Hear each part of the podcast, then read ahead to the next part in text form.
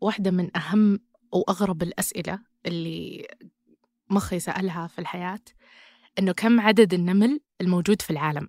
أيوه.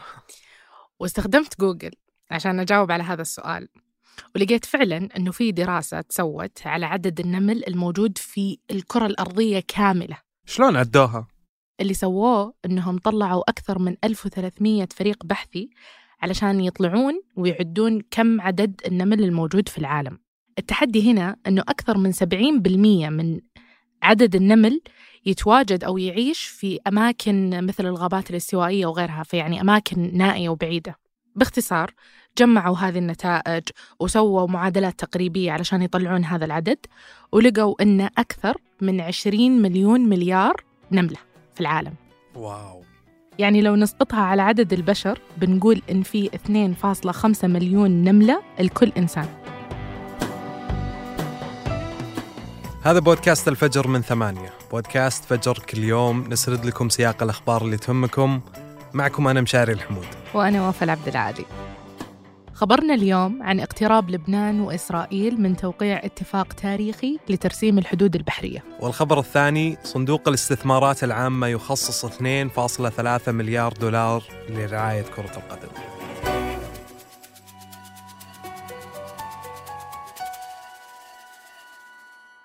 قبل أيام أعلنت إسرائيل اقتراب اتفاق تاريخي مع لبنان لحل نزاع حدودي بحري. هالاتفاق بيحل الخلاف الممتد من عقود بين لبنان وإسرائيل ويرسم الحدود بين المياه اللبنانية والإسرائيلية لأول مرة. والاتفاق ذا بيزيد استفادة إسرائيل من ثروات الغاز في شرق البحر المتوسط وبيخفف بعد من حدة الصراع بين لبنان وإسرائيل خصوصاً أنهم يتشاركون تاريخ قديم من الحروب والمناوشات. وقبل نفصل في فوائد الاتفاق نحتاج نفهم طبيعة الصراع بين لبنان وإسرائيل وتأخرهم في ترسيم حدودهم البحرية. لبنان وإسرائيل ما تربطهم علاقات دبلوماسية ببعض فوضعهم أشبه بحالة حرب من حوالي 70 سنة. تصاعد الصراع بينهم قبل أربع عقود من لما غزت إسرائيل لبنان في عام 1982 من وقت للثاني نشوف مناوشات بين البلدين لكن هالصراع عقد كل محاولات ترسيم الحدود بينهم. خصوصا أن لبنان ما يعترف بإسرائيل كدولة وما في بينهم حدود برية فاصلة متفق عليها. ولما انسحبت إسرائيل من جنوب لبنان عام 2000 كان التركيز كله على الحدود البرية المتنازع عليها وبالتحديد مزارع شبعة اللي تقع على الحدود بين لبنان والجزء المحتل من الجولان السوري. واللي تعتبرها الحكومة اللبنانية أراضي لبنانية محتلة وتطالب إسرائيل أنها تنهي احتلالها. ووسط هالنزاع الحدودي حددت الأمم المتحدة فاصل مؤقت سموه الخط الأزرق. هالخط ما يمثل حد رسمي وزي ما ذكرنا للآن ما في حدود برية بين البلدين. لكن بعد سنوات من هالصراع الحدودي اللي ركز على الجانب البري فقط بدأوا لبنان وإسرائيل يهتمون أكثر بالحدود البحرية. والسبب هو أن دول المنطقة اكتشفت أن شرق البحر المتوسط مليان بالغاز والنفط. المناطق اللي تتنازع على ملكيتها لبنان وإسرائيل هي جزء من هذه المنطقة وفيها حقول طاقة مهمة. وفي عام 2010 نشرت هيئة المسح الجيولوجي الأمريكية تقرير قالت فيه أن احتياطات المنطقة ممكن توصل إلى 122 تريليون قدم مكعب من الغاز. الثروات هذه تتركز تحديدا في المنطقة المشتركة بين قبرص وإسرائيل وغزة ولبنان وسوريا. هالفرص الاقتصادية أغرت لبنان وإسرائيل أنهم يحطون حد لهالنزاع ولكن لأن ما في علاقات رسمية بينهم احتاج الاثنين وساطة طرف ثالث. طرف ثالث يعني دولة آه، ثالثة؟ آه لا كان الخيار المفضل للبنان هو الأمم المتحدة لكن هذا ما كان ممكن قانونيا لأن إسرائيل ما وقعت على اتفاقية الأمم المتحدة لقانون البحار وعلاقتها مع الأمم المتحدة بشكل عام مش ولا بد. ولذلك وقع الخيار على أمريكا. طبعا كان متوقع أن حزب الله يعارض هالخطوة خصوصا أنه مدعوم من إيران. ومع ذلك حزب الله أعطى الضوء الأخضر للمفاوضات ما بين 2011 و2012 وفعلا شاركت الحكومة اللبنانية في المحادثات اللي قادتها أمريكا وتزامنت هالخطوات مع سياسة إدارة أوباما المتصالحة مع إيران اللي يرى البعض أنها شجعت حزب الله على قبول فكرة المفاوضات. إدارة أوباما وقتها كلفت فريدريك هوف يكون أول وسيط أمريكي يعمل على حل النزاع الحدودي البحري بين إسرائيل ولبنان. هوف اقترح في مايو 2012 خطة لإنشاء خط بحري مؤقت وملزم قانونياً. المقترح يمنح إسرائيل أكثر من 40% من المنطقة المتنازع عليها اللي تمثل 370 من أصل 860 كيلو متر مربع مقابل حصول لبنان على حوالي 57% منها. لكن هالمفاوضات فشلت. وبعدها تولى هوكشتاين مهمة حل النزاع بين لبنان وإسرائيل خلال ولاية أوباما الثانية. واقترح في عام 2013 خط أزرق بحري يشبه الخط اللي حطتها الأمم المتحدة في عام 2000 لترسيم الحدود البرية اللبنانية الإسرائيلية. كان مفترض يكون الخط الجديد مؤقت علشان يحضرون أي أنشطة استكشاف داخل المنطقة المتنازع عليها لين يوصلون للحل. لكن الاقتراح ما نفذ لأسباب كثيرة منها فراغ السلطة في لبنان وأيضا لأن ولاية أوباما كانت على وشك تنتهي ولما جاء ترامب ما أهتم بالملف كثير. لكن في آخر سنوات ولايته افتحت إدارته ملف المفاوضات بين اللبنانيين والإسرائيليين. في من يقول أن ترامب اتخذ هالخطوة لأنه يبي يجذب الناخبين اللي يميلون لإسرائيل خصوصا أن عودة المفاوضات كانت قبل أشهر قليلة من الانتخابات الرئاسية الأمريكية العام 2020 وفعلا تم استئناف المحادثات في أكتوبر من هذاك العام بوساطة أمريكية. ولكن بعد أسابيع قليلة ودع ترامب البيت الأبيض وجاء جو بايدن. بعد هذا كله إدارة بايدن رجعت هوكشتاين كوسيط وكان شخصية معروفة بالنسبة للبنانيين والإسرائيليين. وهالشي ساعده على تقريب وجهات النظر رغم التحديات. واستغل هوكشتاين الجمعية العامة في نيويورك الشهر الماضي واجتمع بالطرفين. والآن بعد أشهر من المفاوضات والشد والجذب الظاهر أن الاتفاق راح يشوف النور قريب. خصوصا بعد تصريحات مسؤولين لبنانيين وإسرائيليين تكلموا أمس عن رضاهم المبدئي عن مسودة اتفاق ترسيم الحدود البحرية. لو تم هالاتفاق فراح يفيد البلدين أمنيا واقتصاديا. من ناحية أمنية خطر التصعيد العسكري بين لبنان وإسرائيل راح يقل ومن ناحية اقتصادية لأن الاتفاق يسمح لهم بالتنقيب عن الغاز الطبيعي في المنطقة المتنازع عليها. حتى الآن ما نشرت بنود الاتفاق النهائي لكن بداية هالشهر كان في ارتياح من الطرفين لمسودة الوسيط الأمريكي اللي تنص على خضوع حقل كاريش بالكامل للسيطرة الإسرائيلية مقابل منح حقل غانا للبنان.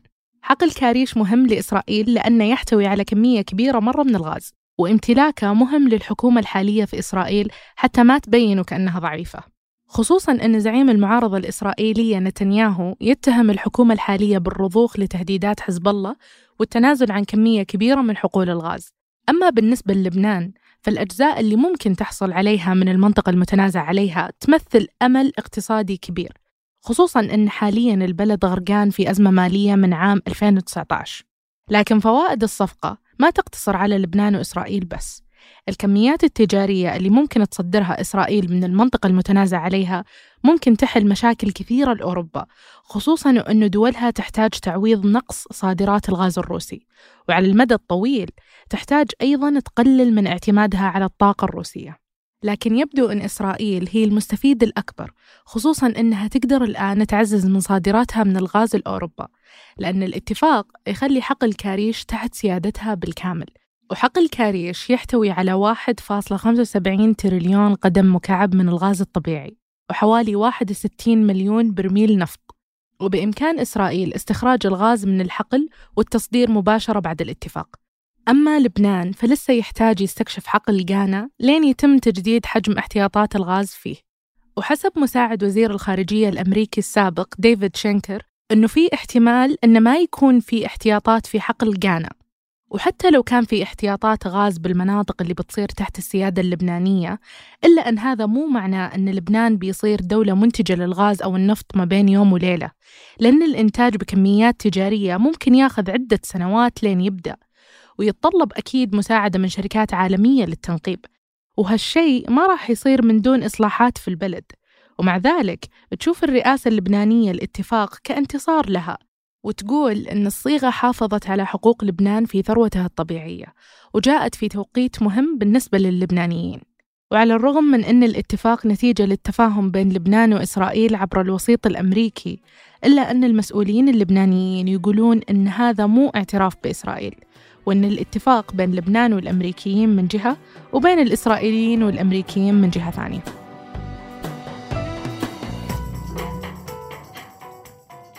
دائما أشوف الأندية تصرف فلوس على صفقات ورواتب لاعبين ومحترفين بس دايم عندي فضول من وين تدخل هالفلوس؟ النوادي تجيب فلوس غالبا من ثلاث أشياء بس طبعا يعتمد على الدولة ويعتمد على قوة النادي والدوري اللي فيها. فغالبا الإيرادات أو الفلوس اللي يجيبها النادي هي تعتمد على ثلاث أشياء حقوق البث والتذاكر والأنشطة التجارية مثل الرعايات.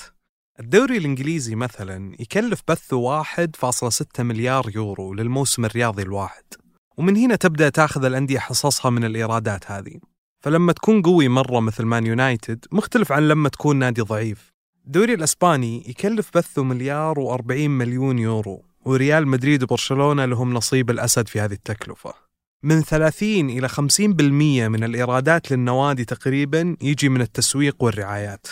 وهنا يجي أهمية خبرنا اليوم. صندوق الاستثمارات العامة خصص قبل أمس 2.3 مليار دولار للرعايات في نوادي كرة القدم. أغلب التخصيص كان في الأندية المحلية حسب فاينانشال تايمز في بداية السنة في فبراير أعلنت شركة القدية التابعة للصندوق شراكة استراتيجية مع الهلال والنصر بقيمة 100 مليون ريال لكل نادي لمدة 20 سنة من أجل تنمية القطاع الرياضي. المبلغ كبير فيجي السؤال ليه نستثمر في رعايات الأندية وحتى في الأندية نفسها؟ لأن الاستثمار له عوائد كبيرة جدا للشركات والأندية مثل مشروع القدية ووسط جدة ونون وغيرها من الشركات اللي تدفع الرعايات. وهذا كله بيزيد بدون شك حجم التوظيف في هذه القطاعات. الصندوق عنده هاجس قوي هو تنويع مصادر الدخل وهذه من ضمن الخطوات العملية اللي بيحقق فيها هذا التنوع من خلال قطاع الرياضة. واللي يوافق رؤية المملكة 2030 في أنها تكون سوق واعدة في كرة القدم السعودية وتوفر مداخيل إضافية وأرباح للأندية الرياضية بالإضافة إلى الزيادة في الأنشطة الرياضية والاجتماعية والترفيهية. شفنا هذا في استضافتها الفورمولا 1 وأكبر نزالات الملاكمة. هذا غير رعاية الجولف اللي كلفت مليارين ريال. إلى جانب استضافة السعودية للألعاب الآسيوية الشتوية في ثروجينا بنيوم اللي أعلن عنها قبل أسبوع. وهذا موجود بوضوح في الشركات التابعة للصندوق مثل شركة القدية وشركة وسط جدة للتطوير. وأيضا شركة نون المدعومة من الصندوق. وهي شريك لنادي مان سيتي. واللي بيكون موقعها هو الموقع المعتمد في مبيعات النادي لمنطقة الشرق الأوسط. قطاع الرياضة مغري للاستثمار فيه وخصوصا كرة القدم. ولو تلاحظ الدوري السعودي الحين برعاية شركة روشن. هي أحد شركات صندوق الاستثمارات العامة بمبلغ 478 مليون ريال سعودي. في أكتوبر 2021 صندوق الاستثمارات العامة استحوذ على نادي نيوكاسل الإنجليزي بقيمة 305 جنيه استرليني يعني تقريبا 1.2 مليار ريال سعودي. والحين رئيس مجلس الإدارة ورئيس صندوق الاستثمارات العامة ياسر رميان لما قابلوا عمر الجريسي في بودكاست سقراط سألوا بصراحة ليه ندخل في هذا القطاع؟ والنادي نفسه مو موجود في العاصمة لندن. وجاوبوا أن القطاع الرياضي هو من القطاعات الثلاثة عشر اللي مهتم فيها الصندوق.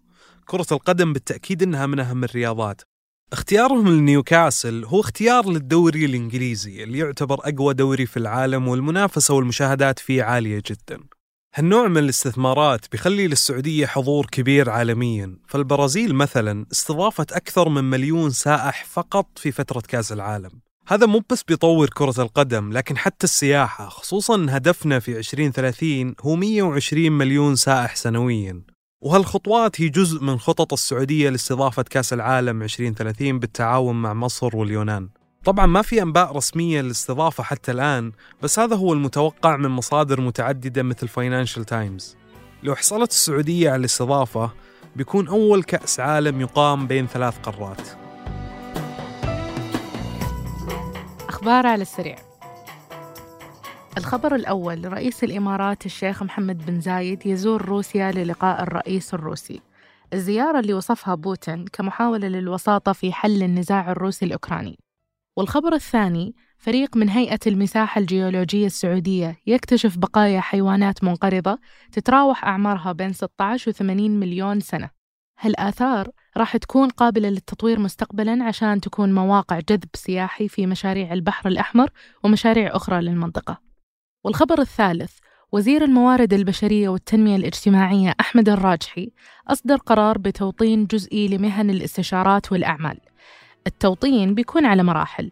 أولها اللي بيبدأ بعد ست شهور وبيكون بنسبة 35% من الوظائف وبعدها ب 11 شهر تجي المرحلة الثانية اللي بتكون بنسبة 40%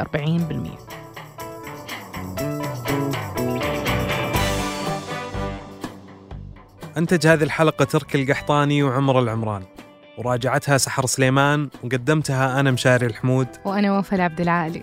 حررها محمود أبو ندى. نشوفكم بكرة الفجر.